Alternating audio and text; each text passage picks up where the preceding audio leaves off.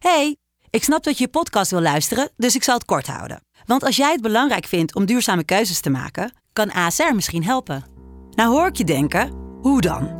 Nou, bijvoorbeeld bij het duurzaam herstellen van schade. Of de premies die we beleggen volgens ons duurzaam beleggingsbeleid. Dat bepaalt waar we wel en juist niet in investeren. Wil je meer weten over welke duurzame keuzes ASR maakt? Ga dan naar asr.nl/slash duurzame keuzes. ASR doet het. Zo, dan kan je nu lekker naar je podcast luisteren. Hey, ik snap dat je je podcast wil luisteren, dus ik zal het kort houden. Want als jij het belangrijk vindt om duurzame keuzes te maken, kan ASR misschien helpen. Nou hoor ik je denken, hoe dan?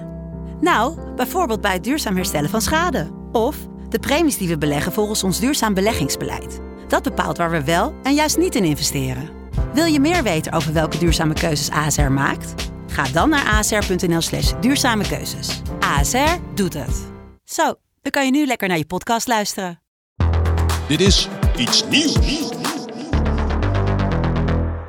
Goedemorgen. Goedemorgen. Ik ben weer terug hoor. Hoela, welkom. Ja. Zeg ik nou hoela? Ik ben weer terug in het kleine kneuterige landje. Valt het op? Is het echt zo eh, boerig? Nou, niet eens boerig. Het is allemaal zo overdreven keurig. Dat zie je al vanaf het vliegtuig, ook al was het een beetje bewolkt. Dan zie je al die keurige tuintjes en alles is zo perfect. Het, is, het heeft ook iets leuks, maar ik heb ook een beetje weerstand nu. Ik heb echt dat Fado-gevoel nog in mijn hart. Zal ik nog een Fado zingen anders? Nou ja, waarom niet? Wil je de muziek er weer bij? Nee, kap jij eens even, gast. Oh, ik was echt enthousiast. Trouwens, op het vliegveld in Lissabon, daar zag ik eh, eh, Duitse professionele basketballers. Het was een Duitse ploeg. Ik heb hem opgezocht. Ik ben even de naam kwijt. Hele lange gasten allemaal. Dus ik naar die gasten toe. Ik zeg, "Wa- waarom hangt die basket, eh, diamant eigenlijk zo hoog? Schön gezegd. Die, die, die, die hangt of drie, drie meter vijf, drie meter vijf hangt die. Toen zeiden ze, ja, waarom Amerikanen trouwens? Oh. I don't have a clue. Toen zei ik, wat is het eigenlijk voor onzin? Daar heb ik over na gaan denken in het vliegtuig. Van waarom hangt die basket zo hoog? Snap je? Stel, stel dat wij willen basketbal op hoog niveau. Wij kunnen niet eens een dunken. Nee, dat kunnen we zeker niet. Ik denk dus dat je in deze tijd als kort persoon, of minder lang persoon, laat ik het vriendelijk zeggen, Ja. dat je juridisch kan aanvechten dat die basket naar beneden moet. Want eh, op deze manier is die sportkans ongelijk. In Italië is Giorgia Meloni als eerste vrouw ooit premier geworden. Ja, superleuke naam. Giorgia Meloni. Als ik naar mijn ouders zou gaan, als ze nog zouden leven, en ik zou zeggen: Ja. eh, jongens, ik heb een nieuwe vriendin. Ze heette Giorgia Meloni. En dan denk je toch dat er een porno-chick naar binnen komt lopen met van die grote Italiaanse tetters. Heeft ze die niet dan? Nee, het is gewoon een beetje een eh, saai blond wijfje. Ze is radicaal, ze is christelijk en ze is conservatief. Nou, dat is echt een dodelijke combinatie. Ik heb een fragmentje klaarstaan. Dan moet je even luisteren hoe het begint. No hay mediaciones posibles. O se dice sí o se dice no. Sí a la familia natural. No a los lobby LGBT. Sí a la identidad sexual. No a la ideología de género. Godverdomme. Dit is wel Spaans trouwens wat ze praat, hè? Ja, klopt. Ze spreekt Engels, Ze Spaans. was daar waarschijnlijk op bezoek in Spanje. Maar het, ze begint nog een beetje redelijk, maar het wordt langzamerhand wordt het een soort eh, Giorgia Mussolini.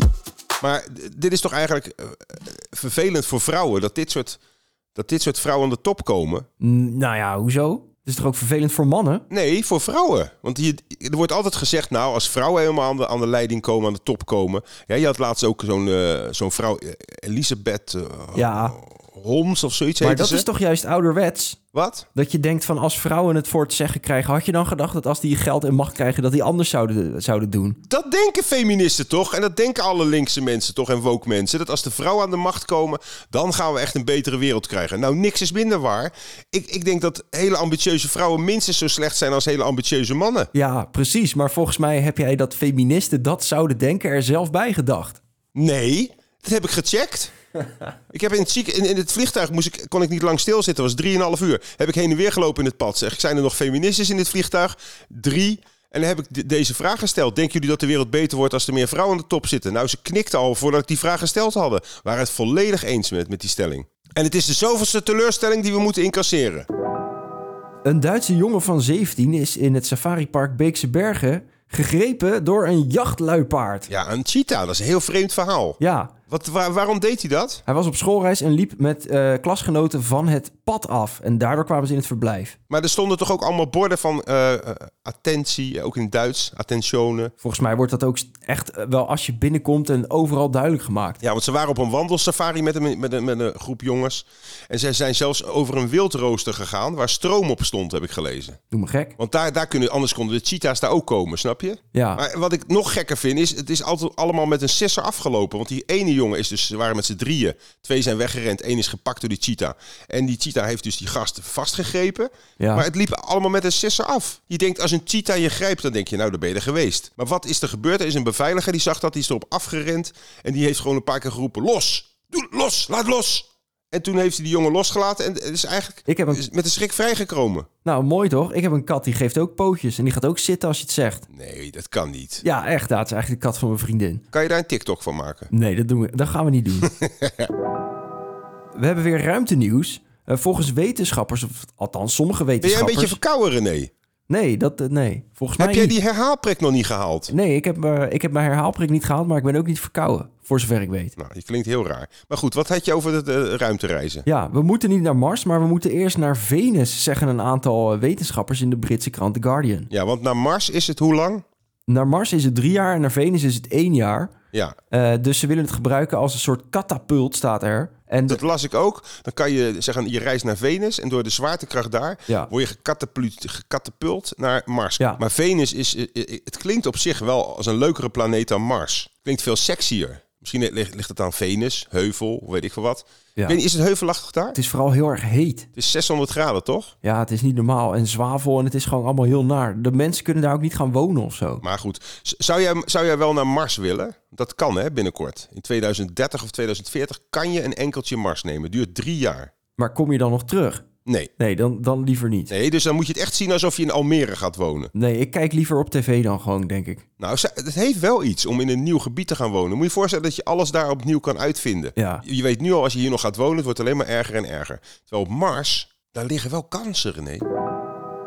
De toerismesector verwacht dit jaar weer heel veel toeristen, namelijk 16 miljoen. Ja, dat is toch niet normaal? En dat- is, dat zijn allemaal toeristen die echt uitstappen vanaf Schiphol richting hè? Ja. Giethoorn, Amsterdam, Rotterdam een paar.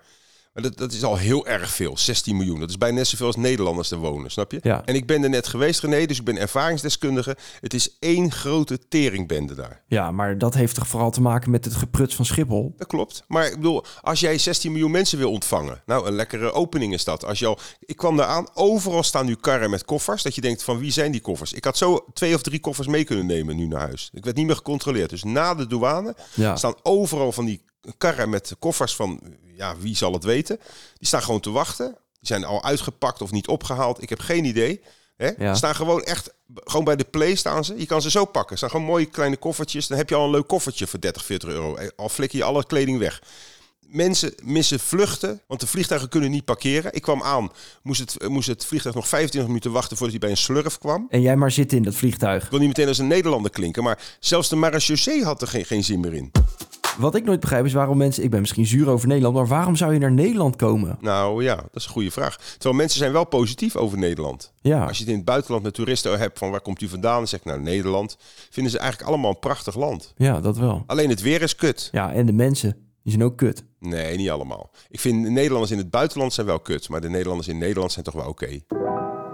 Dit was het weer, René. Dat was hem, ja. Ik heb een onwijze jetlag, dus ik ga weer even terug de, de, het bed in en dan eh, spreek ik jou morgen weer. Heel verstandig. We hadden nog een poll gedaan op iets nieuws op Instagram. Ja? En de helft van onze luisteraars is net als jij. Die zou, als die wordt geprovoceerd, gelijk overgaan tot actie. Dat is wel lekker om te horen. Fijn mensen, laten we samen een front vormen. Of zullen we een politieke partij? Iets nieuws. Politieke partij, ineens te denken.